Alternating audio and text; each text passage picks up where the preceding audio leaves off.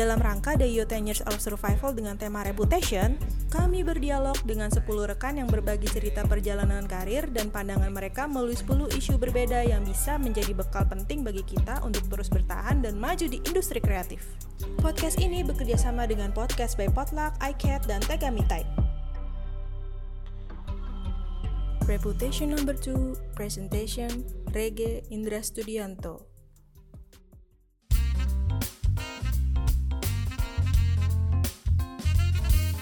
Halo Rege, Halo, Mat. akhirnya kita bisa bertemu kembali kali ini di podcast Reputation. Rege, sekarang lagi sibuk apa, Ge? Lumayan banyak nih, Mat. By the way, kita udah lumayan lama juga ketemu, Mat ya. Udah Hampir 2 tahun.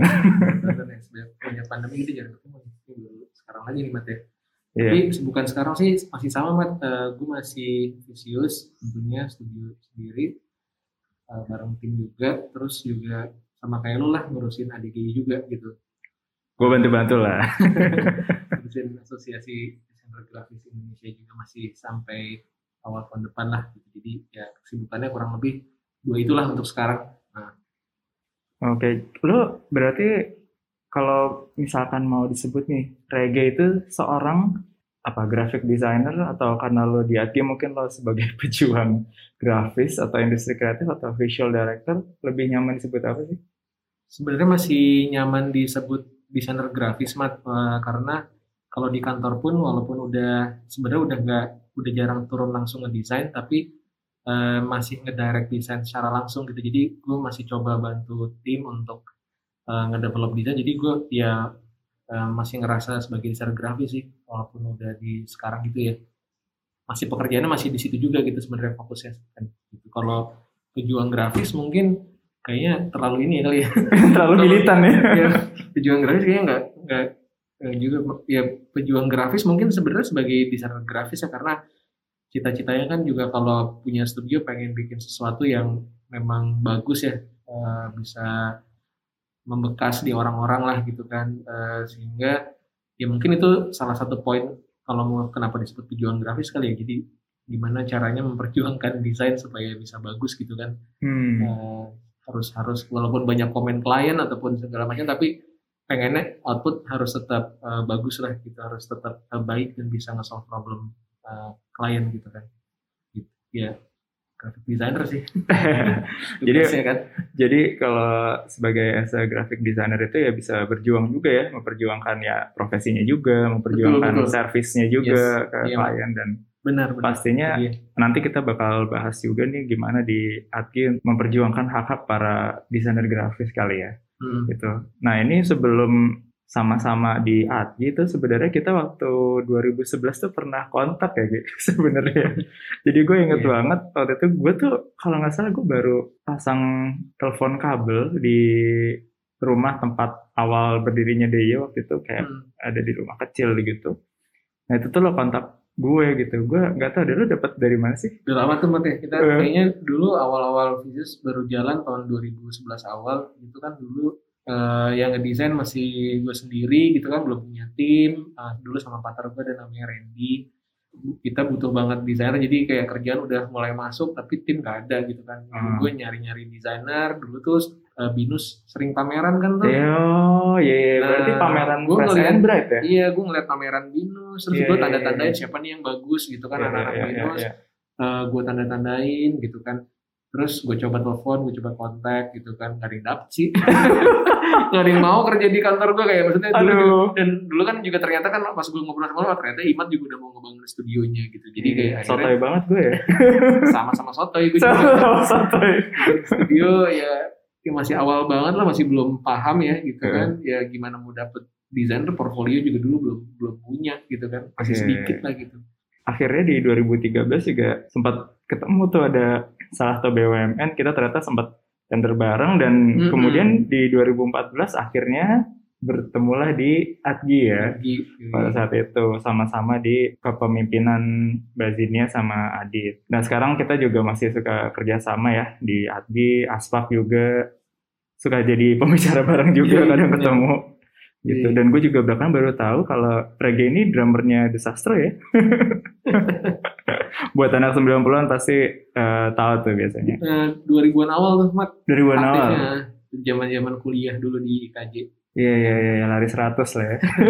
di radio-radio pada masa Udah- itu. sekarang udah desain aja udah jarang main lagi Nah, waktu eh, 2000-an itu berarti kuliah, iya zaman-zaman kuliah. iya angkatan gue kan angkatan 2000 tuh.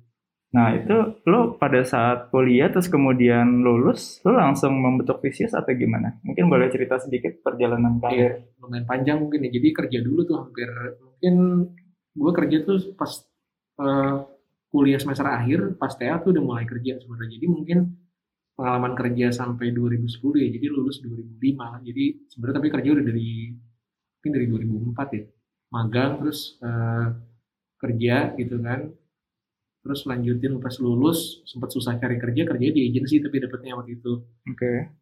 Oh, enggak, enggak, sorry. Kerja di studio desain dulu. Dulu ada Hmm. namanya eh, PT Komunikasi ya dulu. Pak, Pak Gunawan dulu Pak bosnya. Pak Gus gue tuh yang banyak belajar dari dia lah. Soal Oke. desain sama dia justru. Eh, terus baru dari situ baru masuk ke dunia agency, advertising agency gitu. Tapi dulu sebenarnya pas lulus tuh gue belum begitu paham tentang graphic design gitu kan bahwa sebenarnya ba- baiknya belajar ke mana sih gitu gitu kan.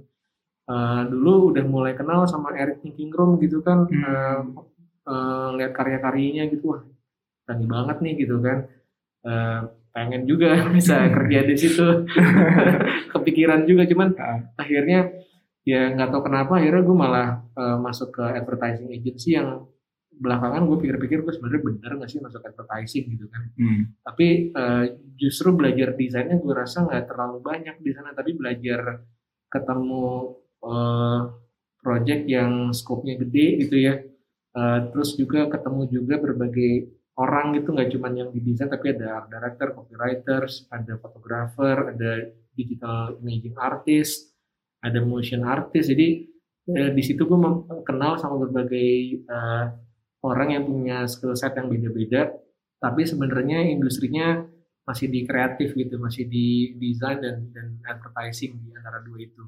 Nah, di situ di situ mulai ngebentuk belajar tentang tentang dunia kreatif dan periklanan, tapi gue ngerasa kurangnya adalah ilmu desain yang kurang didapat di situ gitu. Mas dulu soalnya nggak nggak ada kayak apa ya mentornya, gue kekurangan mentor untuk desain sih gitu. Eh, jadi setelah kerja lima tahun, lumayan lima, lima tahun ya kalau salah. Ya sampai 2010 ngerasa ngerasa pengen coba hal yang lain. Dan kebetulan diajak dulu sama partner gue dulu namanya Mas Randy. Akhirnya untuk gimana kalau kita bikin bangun studio sendiri gitu. Nah tapi itu juga kayak sebenarnya nggak nggak terlalu tahu gimana untuk develop studio kan. Paling dulu contohnya ngelihat ya dosen gue juga dulu Pak Hermawan kan. Gue juga Iya. lumayan banyak belajar pas kuliah dulu ngelihat Pak Hermawan terus ngelihat Erik gitu kan ngeliat Mas Erik mungkin juga contoh-contohnya nggak terlalu banyak ya dulu ya gitu. Tapi ke, ke inspirasi gitu sama mereka untuk mungkin bisa ya bikin bikin sesuatu yang baru gitu kan. Dan juga gue pengen memperdalam lagi desain gitu kan. Ya udah cobain aja. Dan kebetulan teman kayak nawarin ya udah coba aja nih gue mungkin ada koneksi klien atau apa yang bisa di bisa di bisa di kita kerjain bareng gitu ya. Akhirnya mulai. Walaupun awal-awal ya gitu ya. Biasa lemet ya awal-awal studio masih bingung harus ngapain kan. Iya, iya. tapi sebenarnya perjalanan sebelum di situ malah banyak kerja di agensi dan bahkan malah sebenarnya apa ya dulu nggak terlalu mikirin dunia desain karena kayak mungkin karena ada karir bukan karir sih ada main di musik kan. Waktu itu kan Hmm. ngeband dari dari zaman kuliah sampai sekitar 2008 gitu tuh aktif banget musik gitu. Kayak hampir tiap minggu main gitu kan. Dulu sama Mas Ricci juga gitu Ricci Beat Group. Itu yang mungkin yang bikin juga nggak nggak terlalu fokus soal desain gitu. Jadi ya udah banyakkan main gitu kali ya. Cuman bagusnya adalah banyak kenal sama orang yang punya skill set beda-beda itu mat gitu. Jadi kayak di dunia musik pun jadi kenal nih sama orang-orang yang bisa bikin arrange music gitu kan atau yang biasa. Ternyata juga teman di musik ada yang anak seni rupa juga atau ada yang desain juga atau bahkan waktu itu teman di pas gue lagi kerja di Ogilvy and Mather itu ada juga yang ngeband juga dulu ada Eka Anas di The Brandals Oh, gitu iya, kan iya, iya. Uh, terus kenal dunia uh, street art dan murals dari Darbots dulu gara-gara kerja bareng di Ogilvy juga gitu. Nah Iya. jadi kerja waktu itu kerja di agensi itu pelajaran gue adalah jadi belajar sama orang-orang yang punya skill set beda-beda. Jadi kan kalau di dunia kreatif ketika lo punya insight ataupun punya latar belakang ataupun hobi yang uh, beda dan bisa ngebangun ngedorong lo untuk kerja lebih baik itu kan jadi jadi bagus ya. Kita jadi saling keinspirasi kan. Terpacu ya. Terpacu gitu. Terus waktu itu juga ketemu Sancha hmm. ketemu ada dulu namanya Kim Angga itu ketemu uh, Sulung gitu kan di di agency gitu kan. Uh, banyak lah teman-teman di agency gitu yang akhirnya banyak bikin gue keinspirasi dan jadi pengen bangun studio gitu akhirnya. Nah, terus ketika lo mendirikan Vicious itu, studio lo dan uh, partner pada saat itu, sebenarnya pengen jadi studio grafis yang gimana sih kayak? Dulu doyannya sebenarnya mungkin karena kurang ya pemahaman sama ilmu desain, tipografi gitu-gitu nggak nggak nggak terlalu keasah jujur aja ya hmm. ilmu branding apalagi gitu karena kerja di agensi banyak dulu waktu kerja di studio awal belajar tuh jadi punya ilmu basicnya ada dapat gitu ya Mat ya. Hmm. Tapi pas kerja di agensi itu agak lupa lagi tuh, nggak keasah lagi kan. Uh, uh, udah nggak ngerjain, jarang ngerjain kerjaan branding, jarang yang memang bener-bener ngulik yang bener-bener bisa karena banyak kerjanya tuh lebih ke communication, campaign kayak gitu kan. Terus malah jadinya karena gue sering mas waktu itu masih sering ini ya masih sering ikut pameran gitu ya mat terus uh, masih pameran kenapa? Karena juga gue suka ilustrasi suka gambar masih suka apalagi dulu temennya ada darbots juga kan terus kayak terinspirasi masih pengen terus gambar-gambar gitu loh mat. Oh. nah gitu kan. Jadi nah karya-karya yang gue bikin itu gue sering bikin gue sering sapit nih ke pameran ke majalah IDN entah ke semi permanen. Terus uh, banyaklah uh, ke forum-forum yang akhirnya itu tiba-tiba diundang dimasukin ke buku ikutan pameran di mana gitu kan itu sering terjadi dan akhirnya gue suka sama dunia visual art itu gitu hmm. nah dulu pikirannya waktu pengen bikin visual adalah gimana cara gue bisa create uh, sesuatu yang yang masih dibilang mungkin nggak nggak mikir kayak oke okay, gue bikin story design untuk apa ya solve problem klien gitu kan kayaknya nggak hmm. nggak maksudnya nggak belum sejauh itu tapi gimana gimana caranya gue bikin karya yang bagus gitu bagi gue dan dan secara uh, visual itu menarik bisa attract orang gitu kan dan membekas ke orang juga gitu kan. Nah, itu itu kayaknya pikirannya dulu masih secetak itu gitu loh mat. Walaupun ada cita-cita kayak ya gue pengen karena gue ngeliat inspirasi ada studi desain di luar tuh kayak gimana gitu ya. Pengen kayak gitu tapi setiap approach desain kerjaan itu arahnya selalu gimana caranya gue bikin visual yang menarik yang bagus dan tentunya ya gue sih mikirnya secetak itu sih mah kayak kalau gue bikinnya bagus dan gue bisa berhasil track klien gue dan dia suka dan dia happy ya udah. Gue menurut gue itu oke okay gitu berhasil. Tapi gue nggak mikirin dari sisi bisnisnya dia. Once gue ngedesain ini gimana? Campaign yang dijalanin berhasil atau enggak? Ataupun secara bisnis walaupun itu project internal company itu berhasil ngebangun uh, internal perusahaannya juga atau enggak gitu kan. Nah itu yang yang gue dulu awal-awal jalanin gak mikir ke tapi kayak yaudah gue pengen bikin yang keren. Mungkin gara-gara terinspirasi Mas Erik kali ya. Atau dulu banyak ngeliat ini sih mat karya-karya kayak dulu tuh seneng banget ngeliat gue studio kayak Paul 49 terus ngeliat karyanya serial cut gitu kan dulu zaman zaman dulu itu kan ya grafis banget ya. kan sih ya kan terus ya. uh, uh, siapa sih gue juga lupa tuh uh, termasuk si apa desainer Australia namanya Fabio Garato itu terus juga ada desainer-desainer di apa soal artis di Spanyol gitu kan. Nah, itu itu itu gue tertarik dengan karya-karya mereka gitu. Uh, itu yang itu yang membuat gue inspirasi untuk ngebuat sesuatu yang seru gitu, dan dan dan dan menarik gitu nah berarti dengan uh, dunia visual art itu lo suka membuat apa ya karya yang lebih ilustratif mungkin ya? Iya banget sih mat. Itu sampai sekarang sih sebenarnya kayaknya ya hmm. setiap approach kita pasti kayak ada kayak gitunya walaupun mungkin kadang nggak sengaja. Tapi gue selalu tertarik dengan desainer yang bisa approachnya tuh ke sana gitu loh. Ketika uh, sering membuat visual art atau ilustrasi itu kalau nggak salah itu dulu namanya grafon labor ya Iya, yeah, itu kayak inisial inisial inisial gitu sih maksudnya untuk ya mungkin kalau sekarang pseudonym ya? Iya iya nama lain gitu kan no, ceritanya gerakan labor itu tapi itu bikin pas zaman kuliah gitu kan dulu gara-garanya Mas Ricci bikin punya nama Arkelso oh. English terus Darbots gitu-gitu ya. Iya, ada nama-nama gitu kan. gue coba bikin nama gitulah, masih Iya gitu sih, maksudnya nggak nggak nggak terlalu juga tahu kenapa namanya begitu ya sebutan aja gitu. Oke, itu ada Grafa Labor. Nah, di satu sisi juga Reggae ini kan aktif di GMK dulu tuh ada GMK ya, grafis masa kini. Mm-mm. Itu boleh cerita tuh, Ge? Itu di situ lo ada ketertarikan ke jurnalistik, publikasi dan liputan juga berarti ya?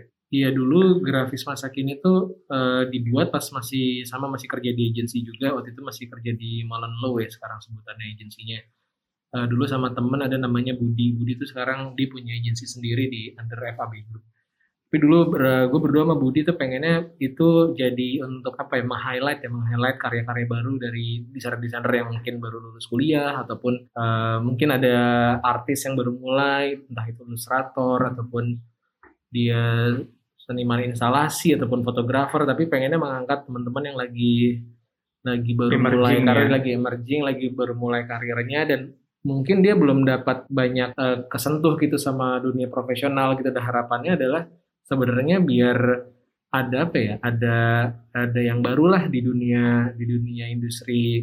Waktu itu karena gue di iklan di advertising ya mungkin harapannya di advertising biar ada orang-orang baru nih biar kalau nanti kita tiba-tiba harus hire ilustrator ataupun hire fotografer ataupun hire motion artist kita kenal sama orang-orang baru ini tahu sama talent-talent baru lah intinya gitu.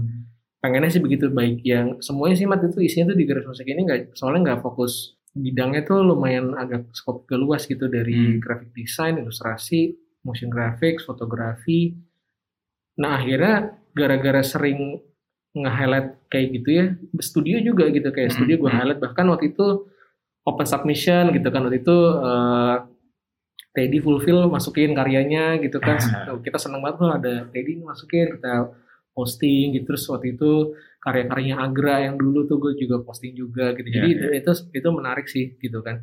Nah tapi akhirnya banyak gara-gara sering apa ya nulis itu walaupun tulisannya juga pendek-pendek ya nggak pernah yang serius gitu ya tulisannya kayak Hmm. meng-highlight bahwa nih desainer punya keunggulan di mana ataupun dia punya skill set yang beda kalau mau lihat lebih jauh karyanya silakan buka gitu. Kebanyakan hanya hanya kayak gitu sih jembatanin nge-bridge orang aja supaya dia bisa tahu lebih jauh tentang uh, desainer ini ataupun uh, seniman tersebut gitu. Nah tapi gara-gara sering uh, meng-highlight itu tiba-tiba Grace Masak ini sering dikontak sama acara-acara entah pameran, Hmm. entah galeri, entah uh, ajakin kerjasama jadi media partners gitu. Nah walaupun kadang-kadang nggak diundang juga ke pameran, gue di di setelah berapa lama jalanin itu sering tuh hadir. Gue juga sering kan datang ke pameran, Hmm, teman hmm. ada pameran datang foto-foto masukin, eh tiba-tiba besok-besok memang diajakin beneran jadi media partner sering banget tuh wah entah Oke. ada pameran di Jogja entah ada pameran di mana gitu. Nah itu yang nggak kehandle sih sebenarnya. Terakhir Hmm. tuh waktu kapan pas lagi 347 ya ulang tahun tuh kalau nggak salah datangin desainer dari luar. Uh, terus uh, Grace Masak ini bantu jadi salah satu media partner. Jadi ya udah gue gue sendirian ke Bandung terus foto-foto gitu kan. Uh, nulis sendiri gitu. Jadi semuanya waktu itu cuman gue sama Budi berdua. Terus sempet kita nge-hire penulis satu orang untuk membantu bikin konten gitu kan. Itu lumayan seru sih jadi banyak ini sih masih jadi banyak dapat koneksi ya di grafis Hmm. masa kini. Eh, dan yang dan yang ngebangun gue jadi ngerti sama eh, dunia desain dan kreatif di Indonesia gitu. Jadi ngerti lah banyak Hmm. talent banyak banyak orang-orang baru yang makin hebat gitu ya. Entah dia eh, entah dia seni murni entah dia desain gitu kan ya puncaknya adalah waktu itu eh, pas akhirnya di tahun 2015 itu kita bisa dapat undangan eh, pameran di Biograd waktu itu yang gue juga ih gila nih kok ada komunitas seni mau ngajak grafis masa kini untuk kurasi desainer untuk berangkat ke sana gitu kan Di negara mana itu? Eh, Biograd sih Serbia Oh, Eropa, Serbia. Eropa Timur heeh. Oke. Eh, Ghost International tuh ya? Iya, Bukan. ah, kebetulan uh, scene artnya memang bagus di sana gitu nggak nyangka juga. Jadi pas lagi ada acara di sana lagi banyak festival dan orang-orang dari berbagai negara tetangga dari London, dari Berlin itu semua pada datang. Jadi pas banget pas kita pameran di sana. Jadi yang ngeliat tuh bukan orang Serbia aja, yang ngeliat tuh dari berbagai negara gitu. Dan jadi kayak dan waktu itu disupport sama. Nah dulu tuh dulu belum ada Backcraft kan ya Mat ya? 2015 itu. Backcraft apa baru? Kalau nggak salah belum deh, masih Baru-baru, Kemen, uh. masih Kemenparekraf. Gue nyoba tuh ya nyoba-nyoba minta sponsor untuk biayain eh, enam artis ya waktu itu yang mau Iya. jalan gitu. Termasuk gue pun juga waktu itu termasuk gue pun submit karya karena, karena yang mengkurasikan dari timnya mereka ya. Terus gue malah diajak gitu oh yaudah ikut aja dia gitu pameran terus ada nama artis lainnya gitu ada.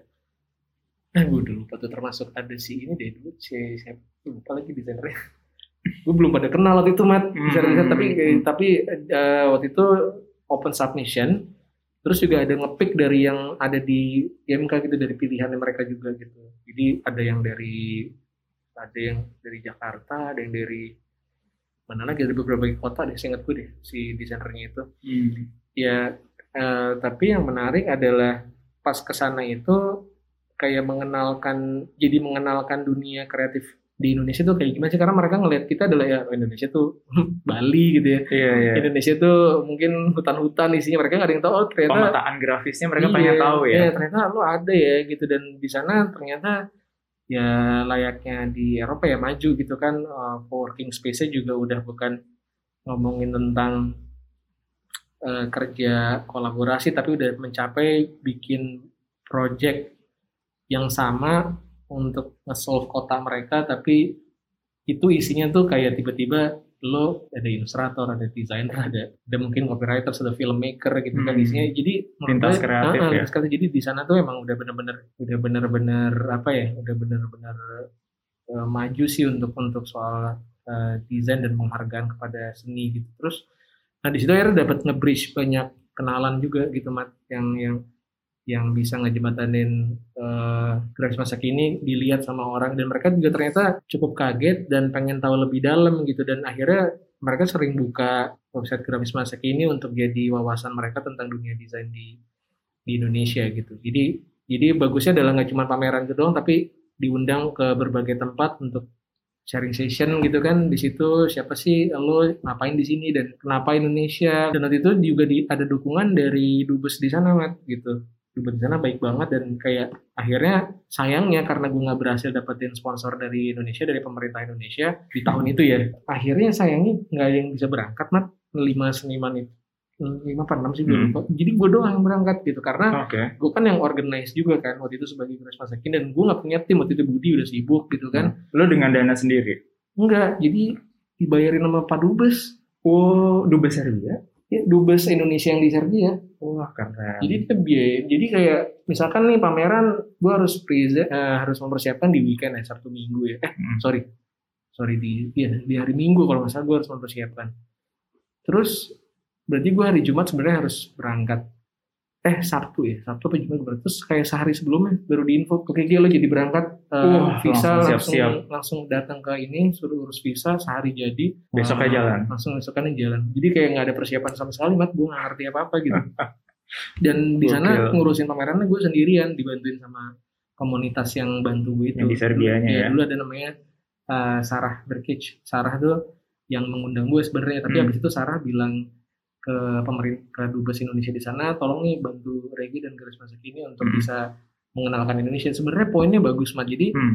eh, mereka dubes sendiri dan pemerintah di sana bilang dan dan teman-teman kalau di sini tuh ngomongin soal Indonesia tuh ngomongnya memang bener-bener literal budaya kita gitu. Misalkan kayak tiba-tiba datangin eh, eh, apa kelompok yang bermain angklung gitu atau seni- atau tari-tarian atau mungkin film kalau nggak salah sempat juga. Nah tapi soal desain tuh nggak pernah gitu. Hal-hal yang terkait Hmm. yang kayak gitu-gitu tuh nggak pernah nih Indonesia di di di highlight gitu loh. Jadi eh, menurut dia nih bagus nih gitu. Ada ada kayak gini Pak Dubesnya bilang kayak Mas Regi ini kamu bagus kalau kamu tinggal copy paste proposal project ini ke berbagai negara gitu. Hmm. Udah tuh. lakukan. kepikiran tuh gue Ah. kepikiran eh terus ngurus ADGI langsung sibuk. langsung, langsung beda gitu kayak wah kayak di kan abis itu nggak lama kemudian kan eh, eh, ngurusin Jakarta chapter kan Oh, Oke. akhirnya lama-lama garis masuk ini gue udah nggak punya waktu sama sekali karena kan ada studio juga mat gitu. Betul, jadi betul, betul. eh, beneran nggak nggak keurus padahal sebenarnya potensinya gede gitu waktu itu karena mungkin juga dulu nggak ada yang ngerjain gue nggak ngerti sih mat gitu loh tapi eh, potensi itu eh, menurut gue bagus banget gitu sampai sampai detik ini Hmm. kayaknya juga memang perlu ada sih gitu. Mungkin bisa dilakukan sekarang-sekarang pameran Iya. online. Dan bener mereka sebenarnya di luar tuh tertarik cuman nggak ada yang tahu gitu aja sih Iya. mereka tuh pengen gue ketemu salah satu desainer di Biograd itu kan uh, dia kayak dia mungkin kayak Eric Thinking Roomnya ya. Oke. Okay. dia kayak wah dia terkenal. Dan gue kebetulan datang ke opening pamerannya dia di Hmm. di, di selama pameran gue berlangsung itu selama dua minggu. Datang kenalan terus dia bilang um, dia bilang kayak gue dari dulu penasaran mau tahu tentang tentang dunia kreatif di Indonesia gitu. Tapi gue Hmm. bingung nyari ke mana kata dia. Nah gitu. Jadi dia wah nih lo uh, maksudnya oke banget ada ini jadi ada ada referensi kita jadi kita tahu gitu nah mereka sendiri ternyata penasaran kan gitu. Tapi Betul, kita nggak nggak buka diri buat nah, ngasih tahu gitu. Mungkin gue nggak tahu. Padahal sebenarnya ada Behance juga gitu kan. Benar-benar. Tapi apakah nggak ke highlights atau gimana? Atau gue nah itu maksud gue adalah bahwa ternyata peran media tuh penting mat. Baru sadar kan gue bahwa Hmm. lah gue kan di situ mungkin acting like media gitu tapi nggak ngerti media itu gimana. Cuman kita bisa jadi bridging untuk ngejembatanin hal-hal yang kayak gitu sih eh, komunikasi tentang jembatan antara kreatif yang di luar dengan Indonesia gitu Betul. kan untuk saling komunikasi gitu. Nah mungkin itu juga gara-gara apa yang gue kerjain di situ akhirnya ya diajak di ADGI sama Dias waktu itu sama Zinia gitu. Oke. Gitu kan dan Adit gitu itu kan yang Hmm. awal bertiga project. Mungkin karena itu ya karena gue kenapa ngurusin ADG ya? Jadi kalau nggak salah Rege waktu itu pemilihan ini ya ketua ADGI Jakarta Chapter ya iya dulu. Nah, benar itu pas awal diajakin. Di Leboye. Leboye benar tempatnya Pak Hermawan. Nah itu kandidatnya eh, waktu itu tuh ada lu, Rege Indra Studianto, ada Teddy Ang, sama Hmm, Jerry Aurum. yes. Lu minder nggak sih? lumayan mat. Lumayan. kan ya. soalnya soalnya ya mungkin dari dulu ya bawaannya kan nggak nggak pede. Maksudnya bukan nggak pede ya. Nggak or gue sangat introvert ya. Nggak nggak nggak Oke. bisa nggak bisa susah ngomong di depan orang banyak kan sebenarnya kan Hmm. Eh, waktu itu bahkan ada momen di mana gue harus perkenalan lewat video itu Ah. itu di tempatnya Dias Dias tuh sampai kesal banget sama gue dia lo yang bener dong aduh masa gini nggak bisa bisa gitu kan saya kayak gue ngomong cuman ngomong statement pendek doang gitu Iya, kan iya. terus gue ngeliat kayak Dias kayak ngerasa putus asa gitu kayak ngerasa lu gimana nanti present di dialog lu ngomong statement cuman sebentar di video aja bingung mau ngomong apa nggak bisa gitu kayak tag-nya berulang-ulang gitu kan Iya. dengan Teddy waktu itu juga tag tuh di tempatnya dia kayak cepet banget Teddy ngomong gitu kan wah dia Iya, kan pede ya. dia pede gitu kan pinter ngomong gitu kayak wah gitu wah cepet banget lu Ted beres gitu kan gitu kan ya sebelumnya betul udah udah kenal Teddy juga gitu. Hmm, hmm. eh di, di di momen itu sih kenalan sama Teddy juga Kenal sama Nah, maksudnya bener-bener ketemu dan kenal tuh sebelum persis sebelum pemilihan itu nah kalau sama Mas Giri Aurum ya jelas ngerasa minder karena dulu kan ngelihat banget lah karya-karyanya Mas Giri gitu Iya. kan ya maksudnya dulu zaman acara apa yang di JCC itu kan ngelihat boothnya dia studionya dia kan IDFS apa FGD?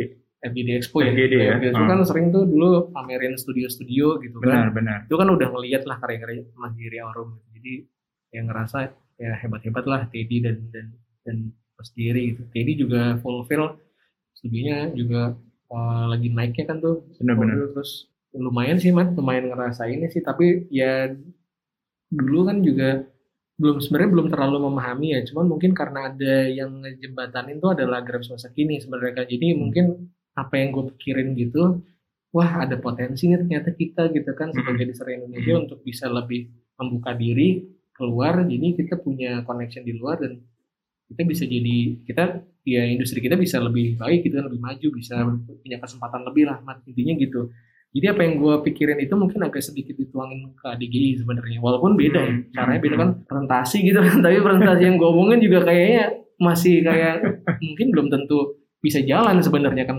Tapi bayangan atau arahan yang mau lu capai itu dengan lo berusaha mencari talent-talent baru, terus juga menjembatani antara industri desain grafis Indonesia dengan negara lain, itu coba lu tuangkan di ADGI pada saat itu, pada saat presentasi pemilihan itu. mungkin angle-nya agak beda waktu itu Hmm. di grafis masa kini itu adalah gue meng-highlight orang-orang talent baru kan memang fungsinya waktu itu itu jadi wah ini ada karya-karya baru entah dia yang memang sudah lama sudah senior tapi karena punya karya baru gue highlight atau uh, talent-talent baru nih yang baru lulus ataupun dia mahasiswa gitu.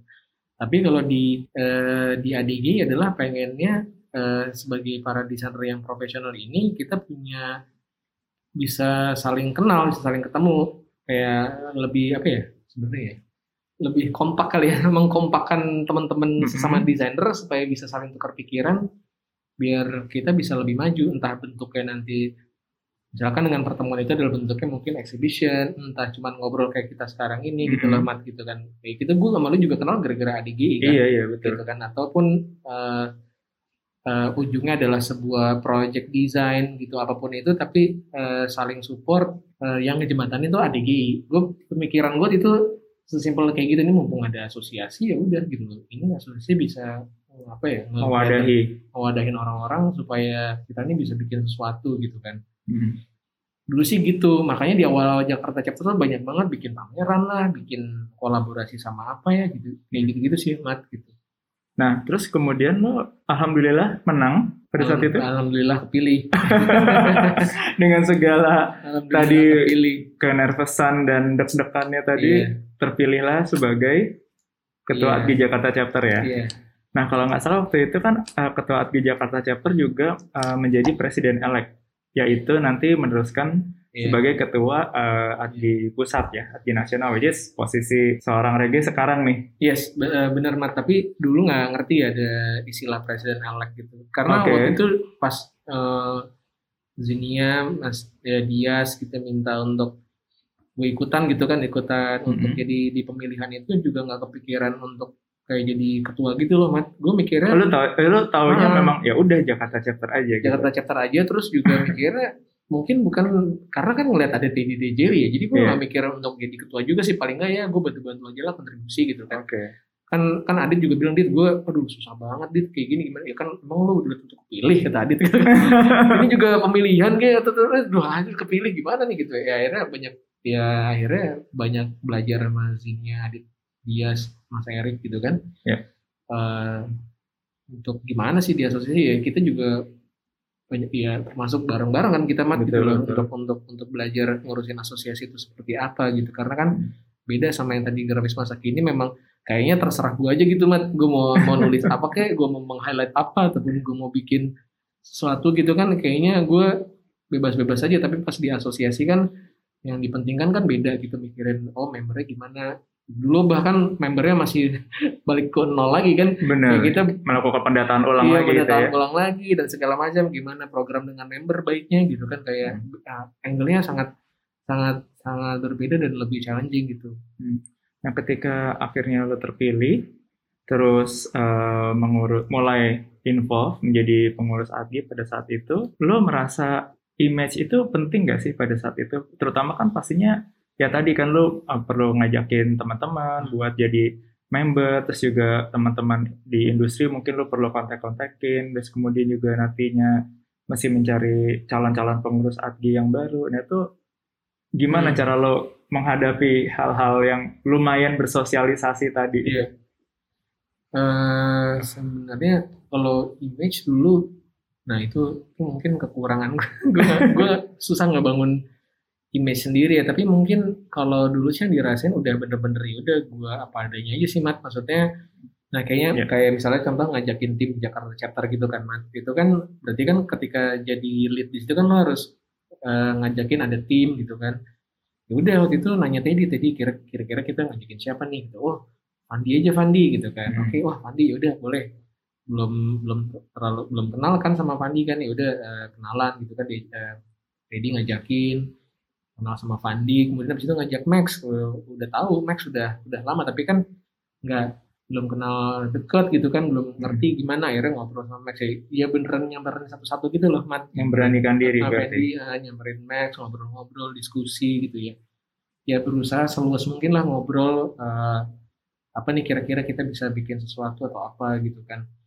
Eh, terus deketin teman-teman lain kayak Mas Icus di Advora, gue mampir ke studionya gitu. Nah itu juga sebenarnya diajarin sama Zinia juga sih. Zinia tuh ngajarin Hmm. dia lo tuh kalau sama senior tuh harus sowan, harus eh, ketemu, misalkan ngobrol gitu sama siapa. gitu Disamperin ya. kabarin gitu kan harus harus harus sering-sering ngobrol gitu kan Harus sering-sering main ke dialog ketemu Pak Hermawan gitu misalkan atau mungkin ketemu desainer lain ngebuka diri lah gitu intinya intinya gue berusaha kayak ya udah ini kalau di sini posisinya agak beda ya harus harus bisa eh, cukup eh, apa ya mungkin fleksibel yang menghadapin Hmm. banyak orang itu loh Mat Cukup terbuka ya. terbuka ke banyak orang supaya mereka paham gitu. Misalkan "Eh, mau ngapain sih Ge? Sebenarnya gitu mau bikin gini-gini ngajakinnya juga memang benar gitu kan. Eh, jadi mereka juga eh, merasa kayak oh ini emang emang emang wadah untuk kita bisa bareng-bareng nih gitu.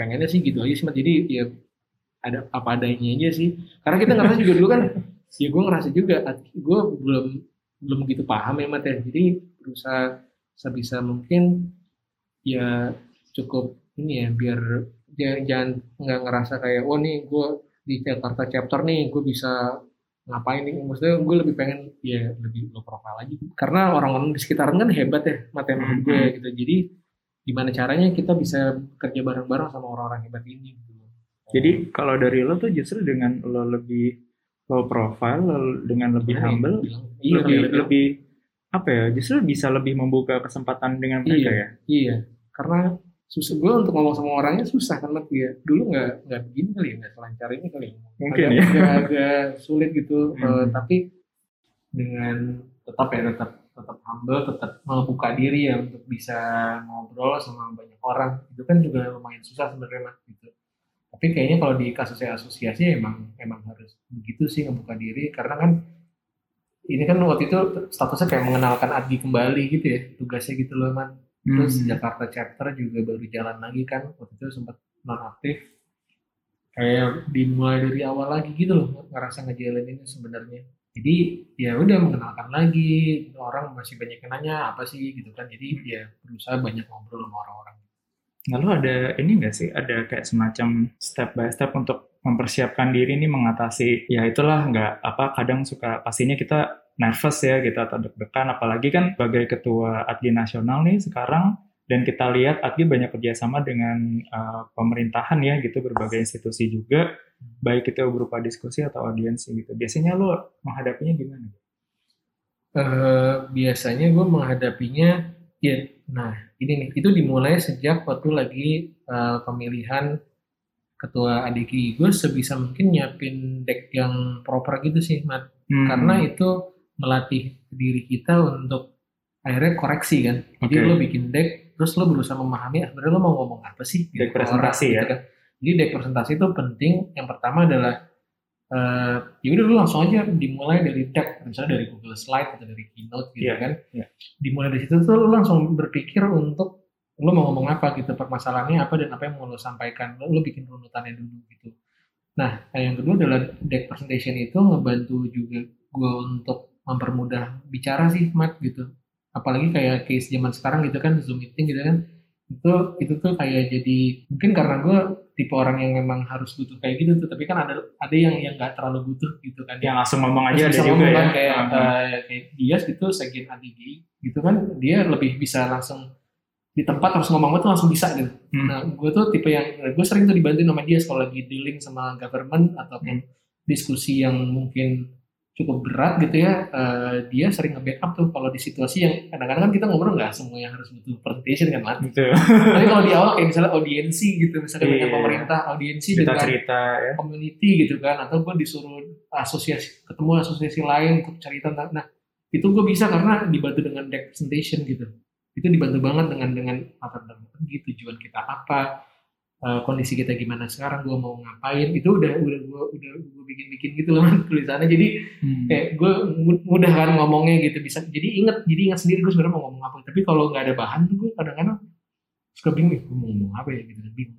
Kayak nah itu itu itu contoh hal yang ketika berhadapan dengan orang banyak walaupun kadang-kadang ya sering ya pemerintahan ya lo ngerti lah Mat, kita sering diajak kementerian apa gitu kan. Tiba-tiba sudah jadi narasumber bahkan mereka kadang-kadang nggak nyuruh kita bikin deck oke. Gitu kan tapi gue maksain diri harus tetap eh, ada eh, presentation slide supaya itu ngebantu gue ngomong gitu ke orang-orang gitu Jadi topik atau bahasannya itu eh, runut ya. runut bener Runut ya. runut step satu Gitu. apa dua tiga kayak gitu-gitu loh kadang-kadang juga kan misalkan ada proyek dengan government gitu ya terus mereka bingung kan how to kerjasama dengan ADGI terus eh, prosesnya gimana biasanya tuh gue udah langsung contohin tor gitu langsung bikin tor bikin nih biasanya amat gitu gini stepnya timeline biasanya begini runutannya biasanya kita ada sistem kurasi ada apa ada apa gitu misalkan itu udah dijelasin dari awal supaya juga mengarahkan mereka supaya pembicaraannya tuh nggak ke mana-mana gitu loh. Jadi, Hmm. jadi jadi itu juga ini sih pas ya terutama kalau audiens dengan government sering kali gue udah langsung uh, bikin tor atau bikin maksud dan tujuan lah gitu kan. Iya. Ya, apalagi kalau ketemu orang-orang penting gitu ya level eselon 1 ataupun sekjen ataupun bahkan menteri gitu kan kita harus sudah uh, solid apa nih tujuan dan maksudnya sehingga pas ngomong langsung tepat nyampe gitu loh. Dan itu pasti lo udah nyiapin kayak semacam apa ya? Mungkin templating yang bisa Udah. nanti lo lo Iya udah. udah Udah. udah ada ya. Nah, Jadi- Jadi, paling nanti tinggal lo switch apa yang mau lo bahas di Iya. tengah-tengahnya gitu ya. Heeh, jadi tinggal gue modif-modif lagi sedikit. Misalkan, oh eh, dengan kementerian ini misalkan audiensinya ngomongin soal aircraft, tapi ketika kita ngobrol dengan kementerian lain mungkin halnya berbeda gitu. Misalkan tujuannya mungkin lebih ke UMKM, pasti kan eh, angle-nya di, dibikin beda kan Mat. Tapi Mm-mm. eh, kalau karena kita desain grafis, apa sih yang bisa kita sumbang buat negara kalau kita member-membernya itu adalah profesional desainer grafis ya arahnya tinggal dibedain tapi ketika gue nyiapin itu tuh gue ngomong sama mereka jadi lebih lebih enak gitu sih. Gitu. Hmm. selalu selalu selalu bawa bawa hal yang emang udah udah udah pasti sih. Gue selalu selalu gitu sih. Makanya dulu anak-anak sering juga sih komenin. Anak-anak tadi sama lu selalu di, di meeting lu megang laptop gitu kan. Selalu megang-megang laptop gitu. Kan terus anak-anak sempat bercandain Gil lu ngapain sih ngedesain gini-gini gitu. terus gue meeting sama Zinia sama siapa dulu Iya, kan. iya, iya. sambil sambil megang Sambil laptop, mampu laptop iya, gitu ya. kadang-kadang gue emang gue nyatet. Dulu kan kita meeting nggak di zoom ya, kita ketemu kan? Itu Iya, gue iya, nyatet. kita benar, benar. sini ngomong apa Emir dulu. Erik itu gue gue nyatet gitu kan.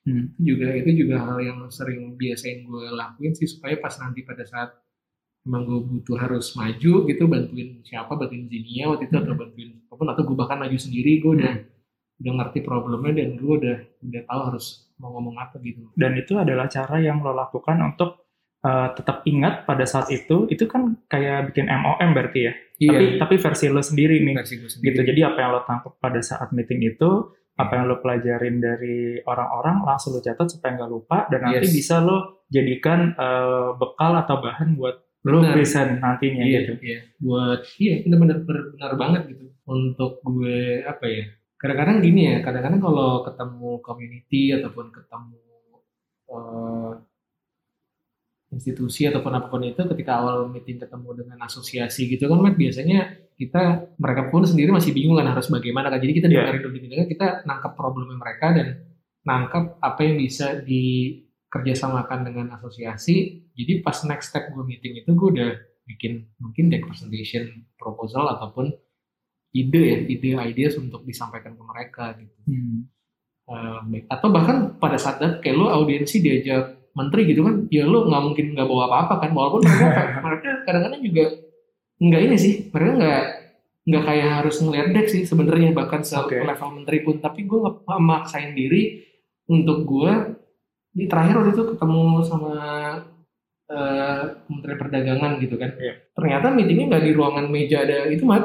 Ada slide proyektornya nggak ada? ah, ah, yang asistennya nyediain tempatnya memang ruang tamu gitu ruang tamunya dia gitu. Jadi kan gue nggak sebenarnya formatnya Terus mereka gua- pengennya ngobrol Iya, santai. dengan gue kan lo ngerti gue bingung bahasa bahasa Iya. gue nah, gue bilang sama asistennya pak ini saya bawa presentasi nanti bisa colokin kan beli present gitu kan wah gue nggak setting itu. Mas saya settingnya ruang tamu untuk ngobrol santai. Waduh. Itu gue panik tuh gitu kan. Ah, udah ah, gitu di momen itu dia nggak ada lagi. Gue sama Derry berdua. Oke. eh, gue sama Ricci kalau nggak salah. Eh gue Ricci Derry bertiga gitu kan.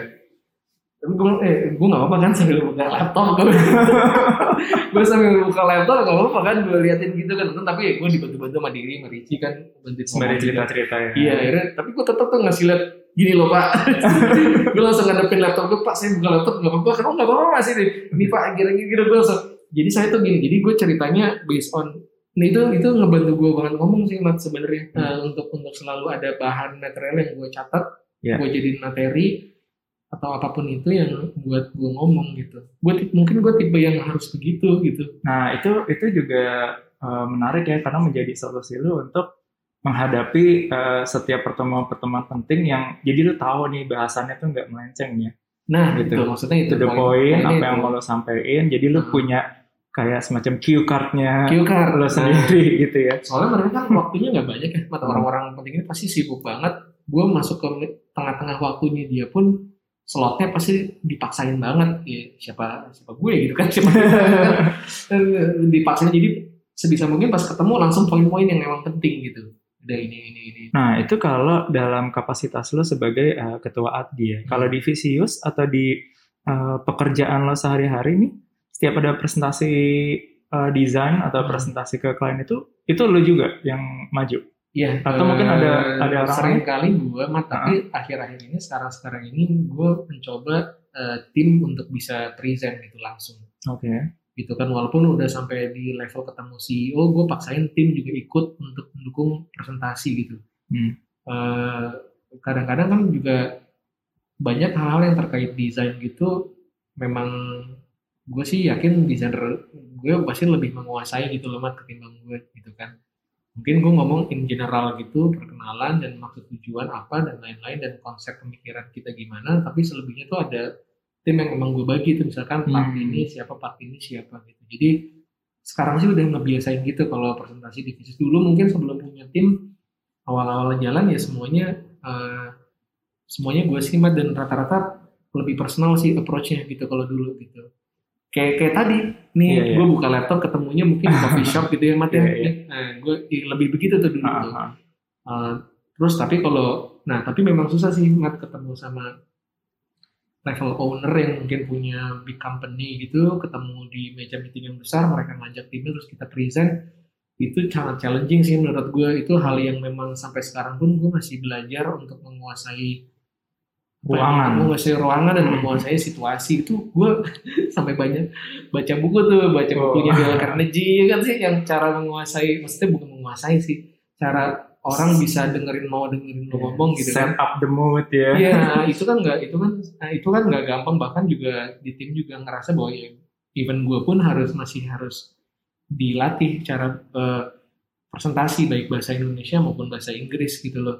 Itu kan eh, beda-beda ya orang karakter tapi eh, balik lagi sih maksudnya sama tuh kayak tadi lo ketika present ke orang sebuah project itu harus eh, poin-poinnya harus eh, ngurut dan emang apa ya poin-poin penting gitu loh Mat jangan sampai jadi ngelebar jangan sampai jadi hal yang mungkin terlalu teknis gitu misalkan Iya. karena apalagi lo kalau ketemu owner gitu mereka kan lo ngomong lo terangin kayak Komposisi. kerning gitu kan Iya. mereka kayak ah apa sih komposisi mereka ngelihatnya esensinya gitu jadi nah itu itu itu yang yang yang gue latih sih sama anak-anak dulu deck kita tuh banyak banget tulisan gitu loh mat.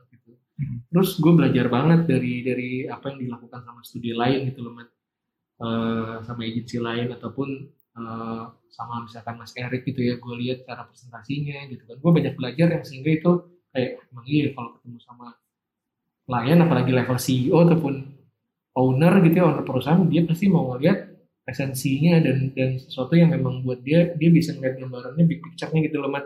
kayak lu cerita oke nih ntar fontnya gini atau kayaknya hal-hal kayak gitu mereka belum tentu lihat gitu mereka pasti ngeliat gue gue pengen company gue di level yang ini dengan tujuan itu gitu kan misalkan Jadi instead of lo cerita fontnya kenapa dengan tracking bla bla bla, tapi lo cerita impact dari desain yang udah lo lakukan akan Bisa. membuat company-nya gimana, lebih Iya. ke situ ya. Hmm, misalkan ya branding gitu kan misalkan ya ya ceritanya adalah uh, uh, brand ini mau mau diarahkannya sebagai uh, mempunyai personality yang seperti apa dan akhirnya desain lo menjadi seperti apa dan impactnya adalah ke customer lo gitu kan misalkan. Jadi nah urutan itu tuh jadi oke brand lo arahnya begini. Itu juga kan karena Brividia kan Mat biasanya. Betul, terus betul. kita bisa uh, mentranslate itu ke bahasa visual. Tapi kan lo nggak ngomongin secara in detail lo kasih contoh adalah gambar di implementasi yang di in situation yang memang menurut gue komprehensif gitu. Ya. oh tiba-tiba lo ngelihat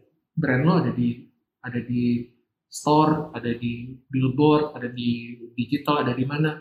Kayak gitu tuh mereka langsung oh oke gambaran besarnya benang merahnya begini ya brand gue gitu secara keseluruhan gitu.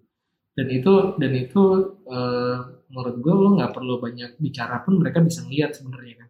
Nggak terlalu nggak sih lo? Ketika Iya, lo ngomong itu berarti lo nggak sebenarnya nggak terlalu banyak menjelaskan oh ini nanti website begini nanti kalau diklik ini ke sana ke sana kalau kalau ngomonginnya brand identity ya tapi lo ngelihat dari experience-nya aja gitu experience-nya akan kayak gini gitu Jadi Jadi nggak terlalu lama dan menurut gue eh, ada intonasi dan ada urutannya yang benar ya. Tapi gue pun sampai sekarang jujur aja masih belajar sih cara presentasi yang yang yang baik gitu. Gue selalu Iya. ngeliat kayak Miss, ngeliat kayak eh, Mas Erik gitu, TR gitu ataupun beberapa agensi lah teman-teman gue gitu ngeliat cara mereka presentasi itu dengan narasi yang ngebangun mood gitu. situasi walaupun lewat zoom tapi itu bisa baik gitu kan dan mungkin kalau pada saat presentasi yang paling sulit adalah bukan di momen lu presentasi itu gue kejadian di di ADGI juga gitu sebenarnya once lu present itu selesai kan nanti Betul. ngomong lu bisa pakai bahan contekan selesai Iya. tapi setelah itu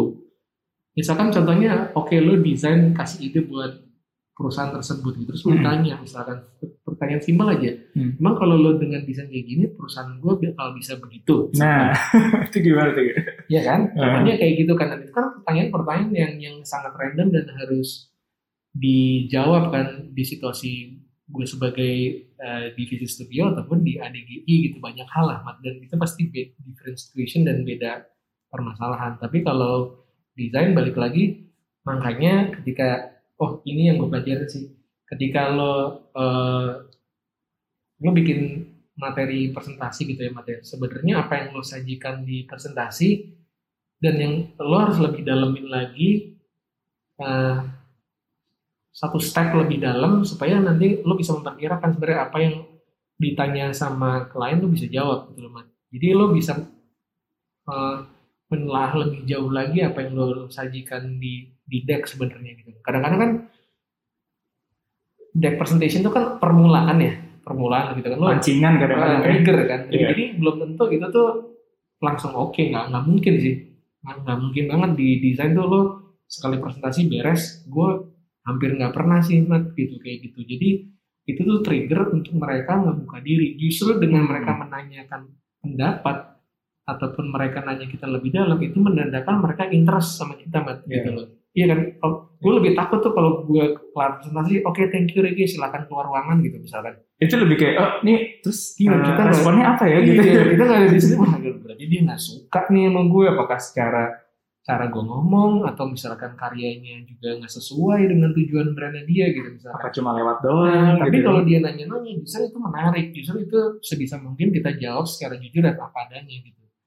Eh, itu juga gue banyak belajar sih masalah itu sih di visi sektor soal presentasi. Eh, eh, kayak apa ya? Mereka tuh kalau gue yang gue pelajarin mereka tuh ternyata sebenarnya klien itu kalau di versi visis ya mirip sama kayak waktu gue ngejalanin ADGI ataupun ke- ataupun mungkin jangan gue di ADGI itu nyontoh apa yang gue lakukan di atau- ataupun garis masa kini oh, versa. lo ya. lo apa adanya gitu jadi kan kadang-kadang kan dulu ya sering ya motivasi kayak lo yang introvert lo harus ngebuka diri dan harus pandai presentasi harus ngomong tapi kan Iya. semua orang nggak kayak gitu gitu Iya. Silent people bisa aja orang yang diem itu ternyata dia bisa mempengaruhi klien kan. Iya. gitu kan. Nah eh, akhirnya yang yang justru gue ngerasa itu works ya di ADG maupun di visis itu adalah ketika lo ya udah kalau lo memang orang tipe orang yang sulit untuk ngomong gitu memang ketika lo dengan cara lo sendiri sebenarnya lo bisa. Contohnya adalah kalau ngedesain gitu ya Mat ya. Mhm.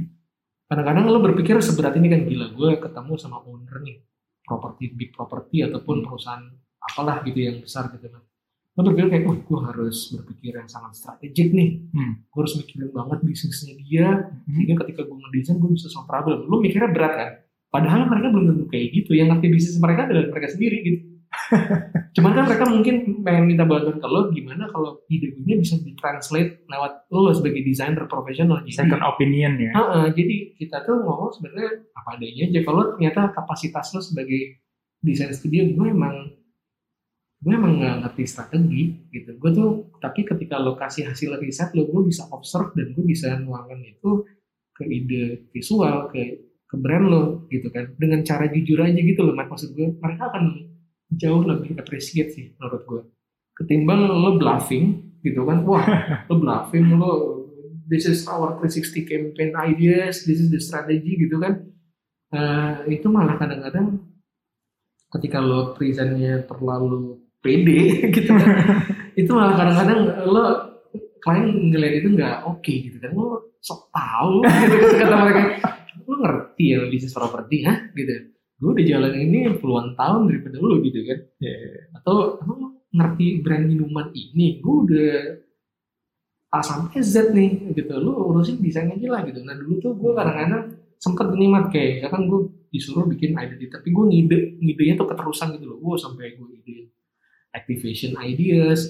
Pikiran gue adalah semakin gue ngasih sesuatu yang eh, apa ya yang komprehensif yang yang mikir lebih jauh lagi mereka ngeliat gue kayak wah lo emang agensi yang atau desain agensi ataupun desain studio yang punya kapabilitas banyak dan dan lo bisa ngebantu brand gue tapi ternyata enggak sebenarnya enggak gitu. Hmm. sebenarnya ketika lo kasih aja apa yang mereka minta. Itu mereka sebenarnya udah cukup gitu loh Mat. gitu kalau kalau menurut gue ya. Tapi lo solve the problem mereka gitu bantu. Kayaknya kita punya idenya begini nih. Oh ternyata kayak contoh kasus mereka mikirin brand identity tapi sebenarnya arahnya mereka adalah ujung-ujungnya masalah marketingnya mereka gitu loh Mat. gitu kan. Tapi brandnya mereka mempengaruhi ke situ kan. Tapi jembatanin ngomong antara orang brand dan orang marketing ini kan pada riuh ya. Iya. jadi dengan cara lo tuh gimana supaya orang brand itu paham tapi lo ngejawab juga apa yang disulitkan oleh tim marketing ini gitu. Tentang contohnya adalah ketika lo bikin brand terus kalau gue ngomong di promosinya gimana mas? Gitu kan. Ini kan tone of voice lo berubah nih gitu. Nah, mereka tuh perlu sampel gitu. Nah, kayak gitu-gitu. Tapi Hmm. nggak lebih jauh dari situ juga tiba-tiba lo bikinin ideas TVC ataupun print ad gitu. Kayaknya nggak juga deh. yang mereka nggak perlu sebenarnya. Nah, tapi mereka butuh adalah uh, how to communicate uh, this brand gitu kan kalau udah dirubah gitu. Contoh-contoh hal-hal kayak gitulah. Tapi maksud gue adalah balik lagi ada presentasi itu kayaknya setelah gue pelajari gitu dan gue juga masih belajar sih Mat kayaknya kadang-kadang kita nggak terlalu perlu berlebihan gitu. Nah, kadang-kadang lu berlebihan banget sampai lu capek sendiri terus lu reason yang sepede mungkin bahwa lu tuh kayaknya paling bener gitu kan tapi ternyata ternyata nggak kayak gitu gitu situasi di studi desain dan asosiasi sama gitu Mat. kayaknya itu kalau di asosiasi itu gue ngeliatnya adalah itu dibuktiin dari pekerjaan yang lo lakukan tuh bener gitu loh Mat.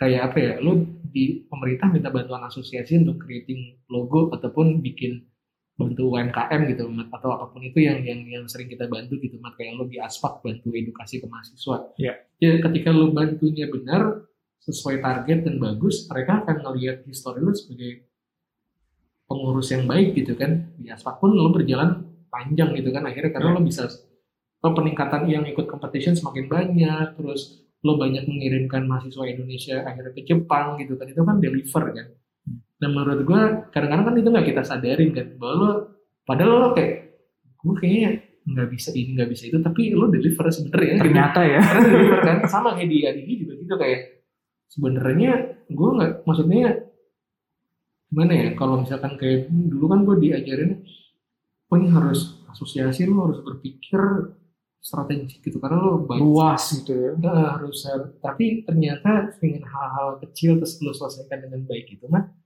itu nge-bridge ke hal yang lain sama banget sama ngejal bukan sama banget ya. Sama halnya dengan lo ngejalanin studio sih kadang-kadang lo mau nge-prime proyek apa apaan nih? Kalian berdoang kalian desain doang gitu kan. Atau cuman ah proyek POS doang gitu kan. Tapi once lo ngejalaninnya benar dan baik klien tuh ngeliat oh lo gue kasih challenge lebih deh coba deh gitu kata klien gitu kan. Sama di di level asosiasi berhadapan dengan government pun dia ngeliatnya oh oke nih asosiasi eh, nggak jujur gitu ya kebuka transparan terus juga membernya juga hasilnya kerjanya baik gitu kan dan tujuannya juga baik ya. Mereka akhirnya kayak jadi gue pergi sama ADGI aja gitu. Contoh-contohnya kemarin udah pada oke kok gitu ya gitu sih Mat. Jadi kalau misalkan tadi baik di Vicious sebagai praktisi desain grafis maupun juga sebagai asosiasi di art gitu, kita tuh yang kita tunjukkan, yang kita presentasikan itu adalah start from uh, hal-hal spesifik, solve the problem, terus kemudian nanti koneksinya ke mana, ke mana, ke mana. Baru itu nanti orang akan melihat gambaran besarnya. Oh, dia nih dengan uh, tugas-tugas yang spesifik achieve loh resultnya ini gitu dibandingkan kita ngomong besar duluan atau gede duluan tapi Iya, resultnya belum tahu apa gitu ya. Betul betul. Kan kita kayak perlu ngebuktiin gitu kan betul. Gitu. kayak lo bikin strategic plan gitu tapi kayak mereka nggak ngeliat contoh apa yang lo lakukan ataupun contoh nyata gitu ya. Mereka tuh kadang-kadang butuh butuh bukti gitu kan. Oh lo sukses ngejalanin ini oke gitu kan. Tapi berarti tuh mereka tahu lo tuh di situ gitu areanya tuh di situ gitu. Kayak misalkan gue jujur nih misalkan gue kerja sama gitu kayak gue nge-branding sebuah bank gitu ya Mate gue bilang gue kerja sama sama multinational agency gue nggak sendirian ngerjain ini gitu. Hmm. gue tuh di part yang ini loh ini ada part orang lain yang mengerjakan gitu. Dan mereka fine dan mereka tetap hire gue gitu. Betul. nah kadang-kadang kan lo kita sebagai company kayak ini gue semua loh handle loh gitu loh.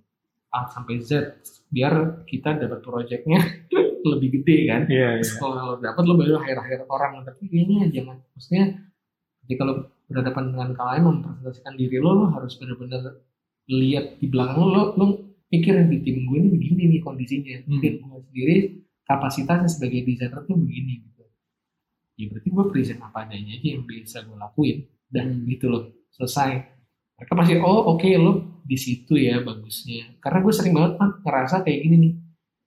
Sampai kliennya sadar gue sih akhirnya gue pernah pitch Hmm. baru-baru ini nih mat gue nih gue jujur aja di ADG gue melarang hal yang spekulatif work gitu kan. Maksudnya di ADG kita menyarankan ya. ya teman-teman janganlah melakukan tender yang memang nggak ada fee-nya gitu. Sebaiknya jangan. Tapi jujur aja gue di gue sendiri gue masih suka melakukan itu. Ketika gue ngeliat itu ada ada chance untuk gue mengambil hal yang lain dan belum tentu di proyek itu mat gitu. Oh, oke. jadi gue berusaha kayak misalkan yaudah deh gue ikut pitch tapi kalaupun gue kalah data perusahaan gue masuk ke mereka gitu Hmm. itu yang gue lakuin kan Masuk Gue- daftar gue- rekaman ah, gitu gue ya. sering gue sering melakukan itu ini soal ini sih soal klien tuh akhirnya kenal sama kita lu tuh baik bagusnya di mana sebenarnya gitu Hmm. Gitu, jadi ya, ya contohnya gue sering akhirnya gue tapi mencoba mencoba melakukan hal yang spekulatif itu loh mat sifatnya jadi gue gue cobalah pitch pitch tersebut gitu supaya gue dapat kesempatan supaya gue kenalan sama klien gitu loh jadi kalian tahu oh Visis tuh studio yang seperti apa sih walaupun gue mungkin eh, contohnya pas gue belum lama dapat pitch gue ngerjain dan mereka sadar bahwa Visis itu sebenarnya nggak cocok untuk ngerjain ini karena setelah dia ngelihat history Visis kerjain tuh kita tuh punya hal yang sangat spesifik gitu. Gue nggak tahu itu tuh sebenarnya malah ngebuang kesempatan apa justru dia semakin tahu gue cocoknya di yang mana gitu loh man tapi gue ngeliatnya balik lagi hal yang lebih positif. Contohnya kan tadi lo bilang kan ke gue di awal kayak lo tuh suka ya karya-karya yang ilustratif. Iya. Yang atraktif yang yang yang Visual banget lah. Iya, yang yang orang ngeliatnya mungkin eh, wah seru nih bikin apa ya gitu kan. Gue bikinnya kayak begitu. Jadi kalau ngejawab sesuatu yang beda dari itu kelihatan lemahnya gitu loh, Mat. Nah, akhirnya klien tuh sering sering tuh kayak emang ternyata lu tuh gue perhatiin dia kata kalian lu tuh emang cocok di sini. Udah deh lo tahun depan ngerjain kerjaan gue yang ini ya. Oke. Terbukalah kesempatan baru. Iya, dan, dan, dan tuh lo nggak usah pitch gitu. Udah gue kayaknya mau kerja sama lo deh. Emang kayaknya lo emang cocok di situ. Jadi dalam melihat Dan malah malah begitu ngerti nggak sih, Mat? Menurut Iya. Jadi dalam melihat eh, potensi atau kesempatan itu juga kadang memang kita jemput dulu, kita Iya. kenalan dulu, Iya. ya mungkin itu nanti bisa jadi tabungan di hari-hari berikutnya gitu ya, Iya. kesempatan berikutnya. Iya, sering-sering akhirnya jadi buat kesempatan berikutnya. Kan kadang-kadang ada ya yang kayak company suka nggak pede gitu. Misalkan ketemu dulu gue pernah sih ada temen gue gitu kan kayak, gue boleh nggak minjem portfolio lo terus kita presentasi bareng gitu, digabungin presentasikan. Sebenarnya itu bagus sih, Mat. Tapi itu nggak apa-apa juga gitu kan kita kerja sama terus kita majunya bareng. Tapi ada juga loh yang kayak misalkan gue minjem deh portfolio lo, gue present sendiri gitu kan jadi dia nggak jadi dirinya dia, ya. Betul. Padahal kan dia bisa bilang kayak gue sih bilang ya misalkan ada gue ahlinya di sini gitu. Tapi kalau lo ternyata mau nanya lebih dari ini, gue punya partner namanya misalkan Iman, namanya ini ini. Kalau lo mau izinin gue organize itu, it's okay. Tapi kalau lo mau maju direct sendiri nggak apa-apa. Oke. Contohnya kan misalkan gue bikin eh, kerjaan yang sifatnya mungkin ilustratif gitu, Mat. entah itu label design, entah itu eh, key visual untuk campaign gitu. Seringkali mereka minta sesuatu yang lewat dari kapasitas gue gitu, Mat. Mas Regi, saya tuh maunya tuh directionnya kayak gini, terus dia nyontohin yang gue nggak bisa, gue bisa kerjain itu di Teknisnya sulit Wah, gitu ya. susah nih gila nih misalkan entah itu ada 3D image, ada 3D image, ada ada ilustrasi yang sangat mungkin spesifik ataupun ya kayak gitu ya Mat, ya. Nah itu akhirnya gue bilang gue harus meng-hire orang di luar tim gue gitu. Dan terus gue kayak ya udah gue akhirnya akhirnya gue arrange gitu, gue organize orang gitu kan di di, di VCS gitu untuk untuk bisa menjawab permasalahan yang klien lah gitu kan. Solusinya begini nih gitu. Kita harus kerjanya dengan berbagai macam orang untuk bisa uh, jawab uh, lo lah uh, brief lo gitu kan. Mereka oke okay, mas Regi sip gitu kan. Tapi sempat juga tuh kejadian mat kayak setelah gue kayak gitu kan gue sebenarnya ngasih kesempatan buat uh, desainer tersebut ataupun ilustrator tersebut untuk bisa dapetin project langsung sebenarnya kan yeah. dan gue pun ngerasa kayak is oke okay gitu nggak masalah juga nggak mbak sayang sayangan dan juga gitu ya gue nggak kayak ya kan memang beda perannya gue kan studio desain mungkin Betul. mereka ilustrator gitu memang yeah. keperluannya beda gitu ya man. sampai pada akhir kayak klien tuh direct langsung gitu oke okay. terus akhirnya sampai di momen berikutnya lagi mereka ngerasa mas gue capek kayaknya langsung ke uh, vendor gitu misalkan. Yeah. gue lewat lu aja deh kata dia gitu. Nah maksud gue kan berarti gue kan soalnya gue nggak nutup nutupin gitu maksudnya kayak yeah. ini emang harganya segitu gitu. Ini lu mau pilih yang mana? gitu. Uh, eh, gue cuma ambil budget buat organize itu aja nambahin sedikit. Supaya gue itu ada ya ada costnya dong gue yeah, organize mereka kan gitu. Tapi gue ngeliatnya sih ujung-ujung itu gue terbuka gitu loh sama klien apa adanya aja lo jangan yang ditutup-tutupin dan jangan dilebih-lebihkan gitu. ketika lo presentasi lo kasih tahu keunggulan lo di mana dan lo kekurang di mana kalau lo mau ngerjain scoping kayak gitu lo butuh kolaborasi makanya sering belakangan tuh visis kolaborasi waktu itu terakhir sama Mata sama Mas Erik sama TR gitu kan ya. kita kerja sama bareng gitu dan bisa solve gitu mat seru-seru aja gitu kayak lo kan seru ya lo kan juga sering kan sama iya, iya. Tapi maksudnya ketika lo present ke orang itu emang harus uh, seterbuka mungkin sih gitu. Yang yang lo apa adanya gitu. Jangan jangan jangan jadi lo yang lain gimana sih jadilah diri sendiri. Ya maksudnya, maksudnya lo punya profiling studionya kayak gitu mat. Ya udah ya. lo tunjukkan bahwa itu memang kelebihan lo di situ gitu. Sebagai penutup nih terakhir punya saran gak Ge? Uh, bagaimana mempresentasikan diri yang baik dalam pekerjaan atau maupun berorganisasi saran dari seorang Rege Indra Studianto bagaimana mempresentasikan diri yang baik ya intinya dalam dalam organisasi? Maupun ya, dalam pekerjaan. maupun dalam pekerjaan. Sebenarnya intinya uh, lo harus benar-benar mendalami menguasai masalahnya dulu gitu itu yang paling paling penting tuh tadi yang kayak gue bilang. Ketika lo presentasi bahkan yang di deck sama yang lo pahami itu lebih jauh yang lo pahami gitu ketimbang ada di materi deposition sehingga ketika nanti lo dipertanyakan itu lo, lo sangat memahami dan lo bisa menjawab dengan baik gitu. Nah itu dulu tuh menguasai masalahnya dan juga sebaik mungkin kalau di gue sih membuat materi presentasi yang proper sih. Yang proper nih yang proper itu adalah misalkan uh, kalau misalkan uh, case-nya mungkin di project design ya lo sebisa mungkin membuat materi yang komprehensif gitu ya yang yang secara uh, urutan ngomong tuh lo bisa bikin sesuatu yang urutannya tuh baik ya narasinya tuh baik. Jadi uh, dalam kasus project design lo harus bisa bernarasi kan bercerita gitu. Bukan kayak oke okay, desain satu ini desain dua ini desain tiga ini. Nggak nggak gitu kan. Tapi lo bikin narasinya uh, konsepnya dinarasikan secara baik sehingga pas orang lihat di materi maupun lo live ataupun lewat zoom lo bisa dengerin cerita secara menurut secara baik gitu loh oh dari konsep desainnya sampai di implementasinya seperti apa gitu. Jadi kita pun dengarnya juga baik. Dan balik lagi juga esensinya gitu yang paling penting. Yang mengacu kepada masalahnya mereka. Jadi jangan terlalu luas ke hal-hal yang mungkin mereka belum dibutuhkan di saat itu gitu. Itu itu kayaknya paling penting kalau ketemu klien. Jadi esensi yang paling penting mereka butuhkan di momen itu gitu walaupun kadang-kadang kan desainer berpikir kayak oh gue bisa nge-solve mungkin 10 tahun ke depan lo harus atau lima tahun ke depan tapi kayaknya sering kali di momen itu mereka tuh lagi butuh apa dan solve dulu yang di situ gitu. Jadi esensinya karena balik lagi jangan sampai presentasi kita kelamaan. Oh, karena kan orang-orang penting itu mungkin kalau lo ketemunya owner CEO mereka pasti pengen lihat sesuatu yang esensi yang, yang paling penting.